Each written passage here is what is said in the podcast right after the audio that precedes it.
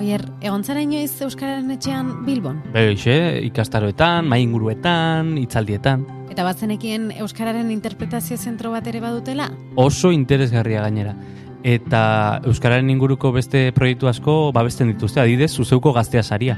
Eta maite goiniren amar minututan podcast saioa ere Azkue Fondazioak babesten du. Azkue Fondazioa.eus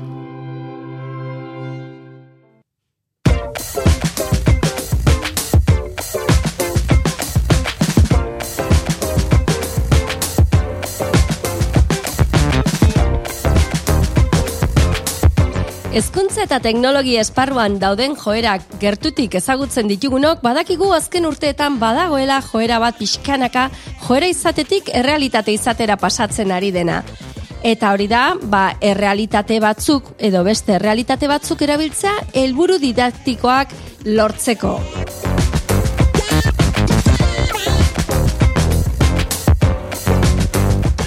Badituzu amar minutu?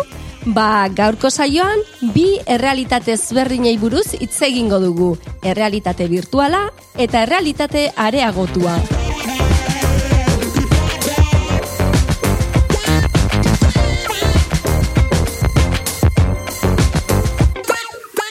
Bueno, bueno, bueno, beti bezala hemen dator tentela, galdetzera, a ber, baina... Bueno, ezagutzen ditezu, eh? Errealitate virtuala eta areagotua. Entzun behintzat bai. Bai, Pokemon Go etorri zait burura. Hori da, Lehenengo hori da. gauza Bai, etorri bai, zait. bai, bai. Bueno, ba, lehenengo bereiztu egingo ditugu, ez? Errealitate areagotua izango litzateke, bueno, teknologia honek, e, ba, inguruko elementu fisikoei, irudiei edo objektu errealei informazio digitala eranzten die. Ba, gaiu mugikor bat erabilita, eta adibidezuk esan duzuna, ba, Pokemon Go hori izango litzateke, hau da, zuetzea sartzen inungo realitatetan, bai, daukezu zure realitatea, kaletik zoatz, eta gero, mm, aplikazio baten laguntzaz edo, zerbait gehiago ikusi ahal izango duzu. Hoi izango litzateke, errealitate areagotu egiten Areagotu du. egiten. Beraz, errealitate areagotua. Eta errealitate virtuala berriz, ba, simulazio digitalean murgildu egiten zara. Hau da, Antiaju, askotan ikusiko Bai. zenuen, ez? Antiaju betaurreko berezi Smartphone batzuk. bat jarri Ba, dezakezu hori baita ere, ez? Ba, berez izaten da betaurreko berezi batzuk, Mm. bertan txertatzen duzu smartphonea eta han aplikazioa gesten duzu hori ikusi ahal izateko eta egiten duzuna da errealitate barruan sartu, e, bertan egongo bazina bezala. Gero ikusiko ditugu adibide batzuk. Imagine students walking through a museum or through nature, exploring the concepts with information in augmented reality. The applications are truly endless. This is the future we're going to live in.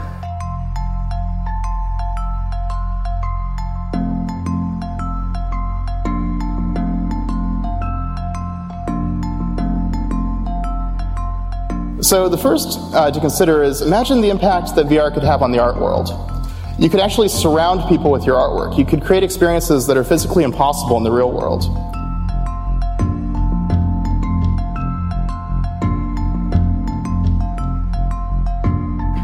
It is up to us, the thinkers, the artists, the scientists, and the educational experts, to create something meaningful, something that will let us build a more connected and a better world. Thank you very much.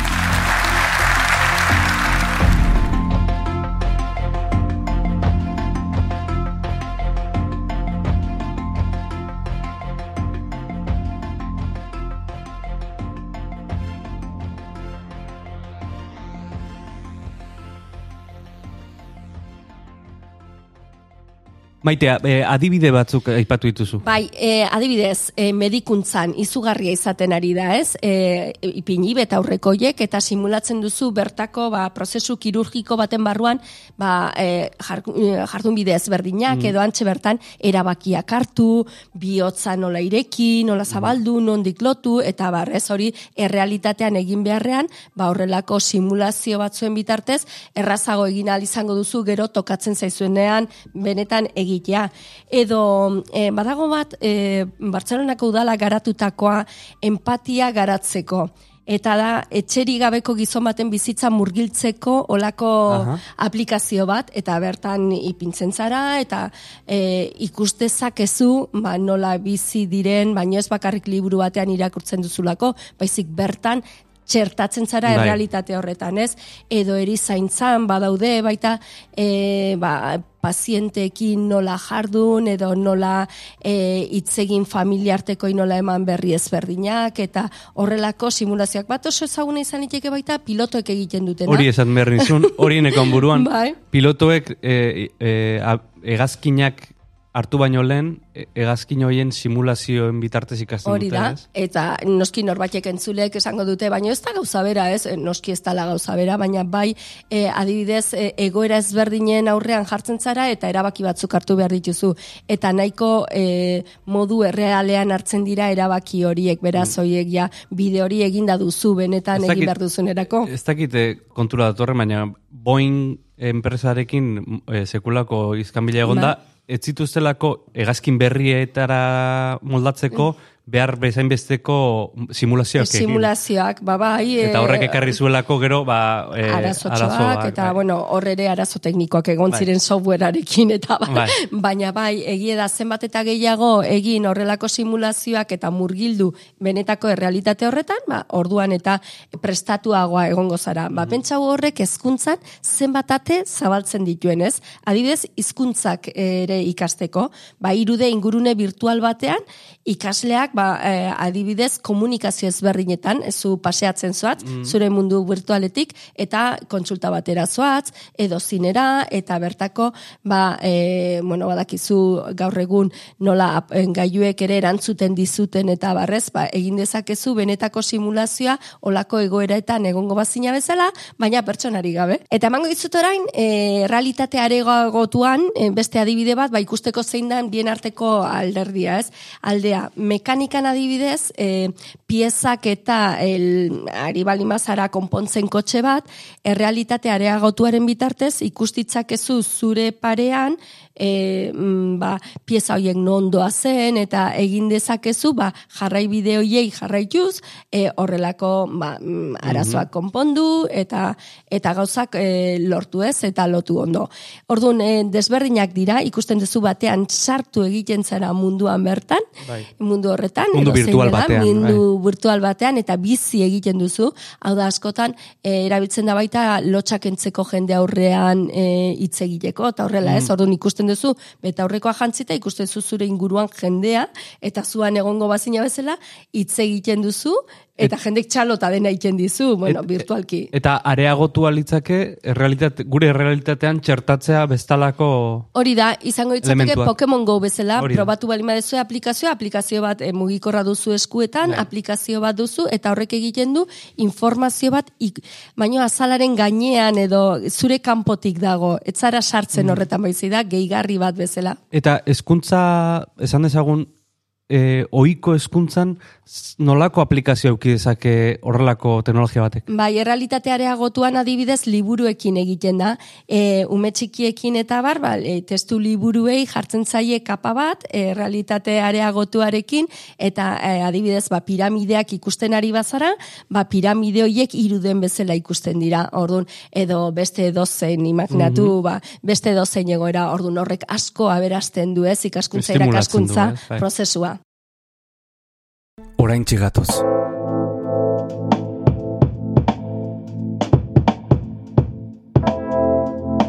Zuzeu podcast. Zure hizkuntzan mintzo diren istorioak.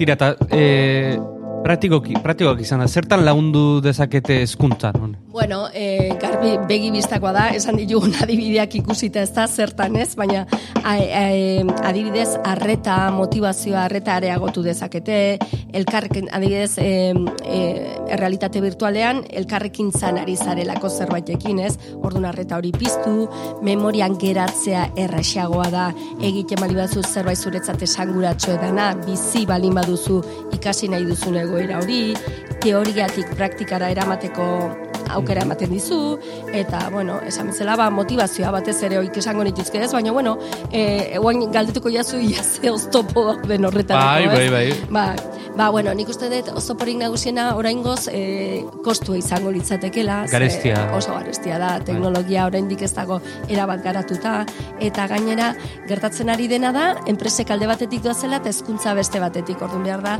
konexioa handiagoa. Eta, eta etorkizun hurbil baten ikusten duzu maite hau e, eskoletan txertatuta?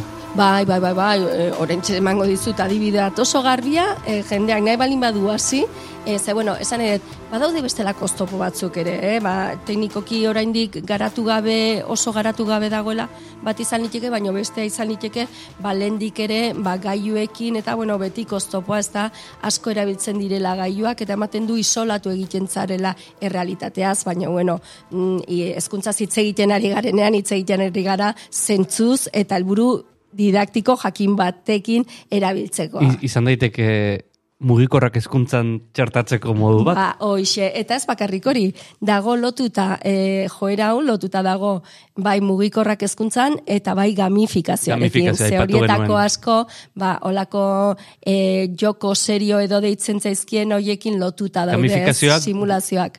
Amar minututanen lehenengo e, da. saioa. Ez, ez, e, entzule, ez baduzu entzun. e, Entzun, hori aprobetsatu horrekin ere lotuta dagoelako, ez? Dinamika horiek sartzen direlako. Eta nondik askaitezke? Ba, nik uste dut oso modu errazean e, azteko irakasle gurasoek nahi balin badute pixka bat probatu zer den hau, ba, Googleek garatuta dauzke ia mila bidai virtual e, baino gehiago Aha. eta umentzat, eta egin dezakezuna da irakaslek eta ikaslek, errealitate virtualeko gaiu mugikorrak eta bisoreak erabilita, ba, arte galeria bat ikusi, museo bat arakatu, urpean e, aritu, Erra. edo e, igo eberes puntara, daude pila bat olako e, molekulak baita, molekulen barruan sartzea, Osea, e, ez daude bakarrik bidaiatzeko kontuak, ez? Eta orduan, ba, jende asko esate, oh, orduan ze, ume txiki guzti jarrita antiajo hoiek, eta ze, baita batzuetan mareatu zaitezke Bai. horrelako gauzakin, ez? Esan dut kontua handiz, eta egin liteke, eta nik askotan esaten dut, pentsatzen de, jo, imaginatzen dezue, astero, astero, eukitzea aukera, inungo, ba, diruri gabe, garatuta daude esperientzia hauek, ez? Orduan behar dana, bakarrik da, kit bat, eh, denek eukitzea betaurrekoak, aplikazio hori, eta gainera daude gidak eginda, irakaslek erabiltzeko, gidatzeko, bidaia virtual hoietan, ikasleak, orduan, klasetik irten gabe, momentu ba, jakin batean, momentu puntual batean, ba, gorputza ikasten ari zarela, eta, ba, ez dakit, e, globulo gorrietik bidaiatu ahal izatea, globulu bat, Bai. izango bazina bezala, edo e, ba, klima ezberdinak ikusten ari garela, Bai. eta, bueno... e, Bai, mila aukera ematen ditu, mila, ez, ulertzeko, bai. Eta orduan norbaitek nahi bali badu probatu, ba hoxe izango itzateke Google Expeditions edo Googleeren espedizioak aplikazioa.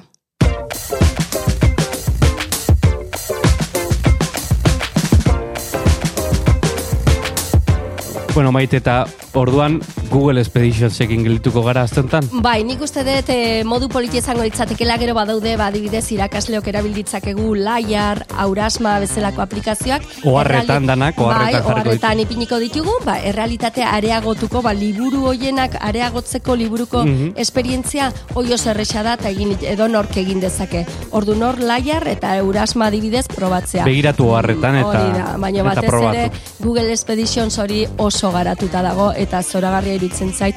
Gainera, e, kartoizko betaurrekoak salgai daude, nik pila bat ditut horrelakoak, bi eurotan merkeenak erosita, eta, bueno, gutxi gora, ama euro bitartekoan, eta edo zein eskolak hori, ba, egin dezake, ez, eros dezake. Primeran.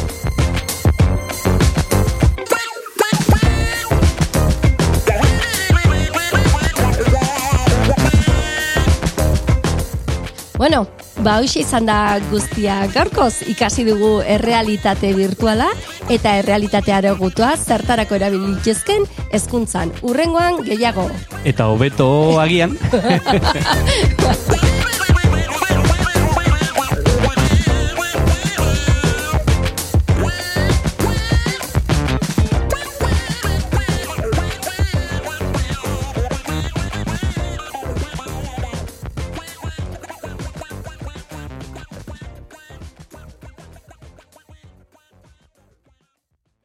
Edo zein plataformatan entzun dezakezu zuzeu podcast. Spotify, Apple Podcasten, Google Podcasten, eta plataformaren batean espalima gaude, idatzi podcast abildua zuzeu.eus elbidera. Hori da podcast abildua zuzeu.eus. Eta segidan igoko dugu plataforma horretara ere gure edukia. Eskerrik asko eta hurren arte.